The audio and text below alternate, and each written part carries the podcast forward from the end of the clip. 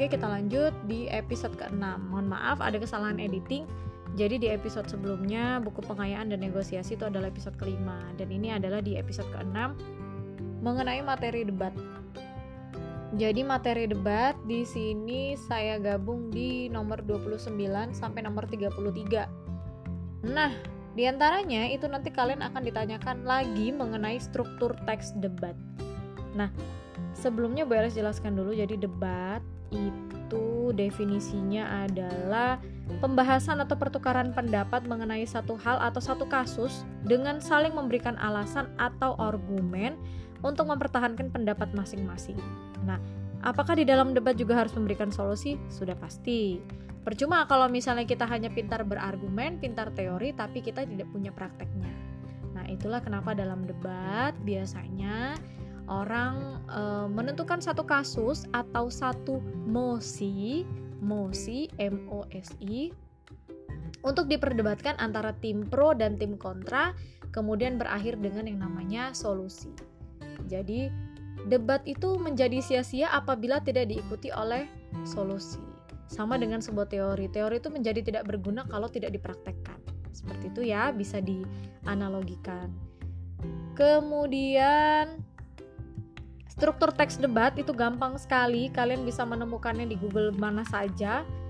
Struktur teks debat itu yang pertama ada pengantar, hanya ada tiga, pengantar, argumen, dan simpulan. Itu ya, sekali lagi struktur teks debat ada pengantar, argumen, dan simpulan.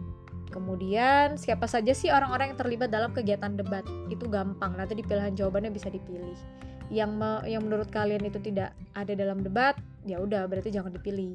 Kita sudah pernah praktek ini di kelas. Lalu ada definisi debat tadi Bu Eli sudah menjelaskan di awal nanti bisa di uh, rewind, bisa di mundur, undur playnya. Lalu ada istilah teknis yang berkaitan dengan debat. Nah, kalau misalnya berkaitan dengan debat itu ada pro, ada kontra, ada mosi, ada moderator, kemudian ada panel juri dan lain-lainnya ya. Lalu apalagi nih? Sudah itu saja, tidak terlalu banyak kalau debat. Jangan lupa struktur teks debat itu hanya ada tiga. Ada pengantar yang biasanya berisi tentang topik. Jadi pengantar itu ada namanya MC-nya tuh nanti dia uh, apa namanya menjelaskan bahwa kasus untuk di babak pertama ini nanti yang dibahas adalah tentang bla bla bla bla bla bla. Itu namanya pengantar. Kemudian yang kedua ada argumen. Tim pro dan tim kontra sudah mulai berargumen, mulai berdebat, mulai berpendapat hingga memberikan solusi. Lalu yang terakhir, simpulan. Simpulan tuh biasanya ada kalimat seperti ini. Pengulangan atau penegasan kembali bahwa si tim pro ini setuju terhadap kasus yang ada.